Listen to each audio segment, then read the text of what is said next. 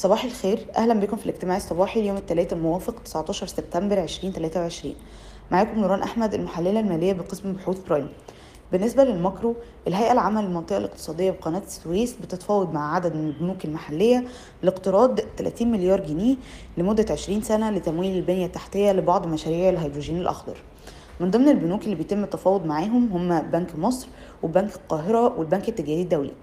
أما عن أخبار الشركات في مستثمرين من الخليج مهتمين بالاستحواذ على حصة في شركة المتحدة للصيادلة وهي شركة توزيع أدوية.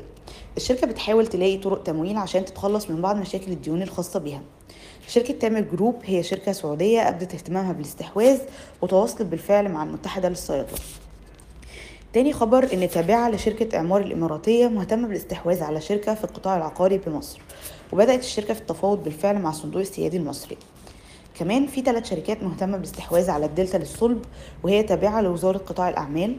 الاهتمام ده جه بعد ما وضحت الحكومة إنها بتدرس بيع الدلتا للصلب. الشركات المهتمة هم الجيوشي للصلب والجارحي للصلب والمراكبي للصلب.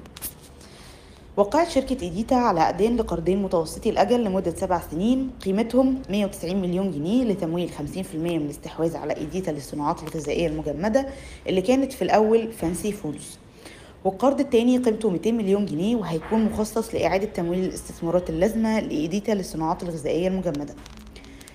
نفت الدلتا للسكر تلقي أي عروض استحواذ من ADQ وده بعد ما تداول أنباء عن أن الحكومة المصرية ممكن تعرض 20 ل 25% من الشركة للبيع.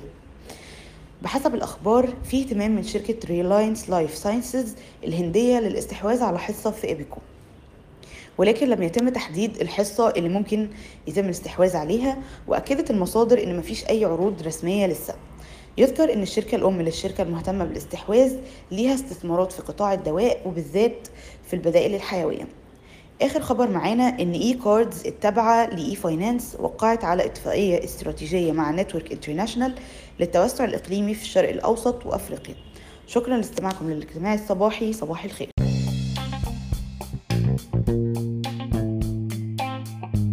يرجى العلم أن هذا العرض هو لأغراض معرفية فقط ولا يمكن اعتباره عرض أو توصية شراء أو بيع أو إدارة استثمارات أو خدمات استشارية. ينصح باستشارة مستشارك المالي قبل اتخاذ أي قرار استثماري علما بأن الأداء التاريخي ليس مؤشرا يعتمد عليه لتحديد الأداء في المستقبل.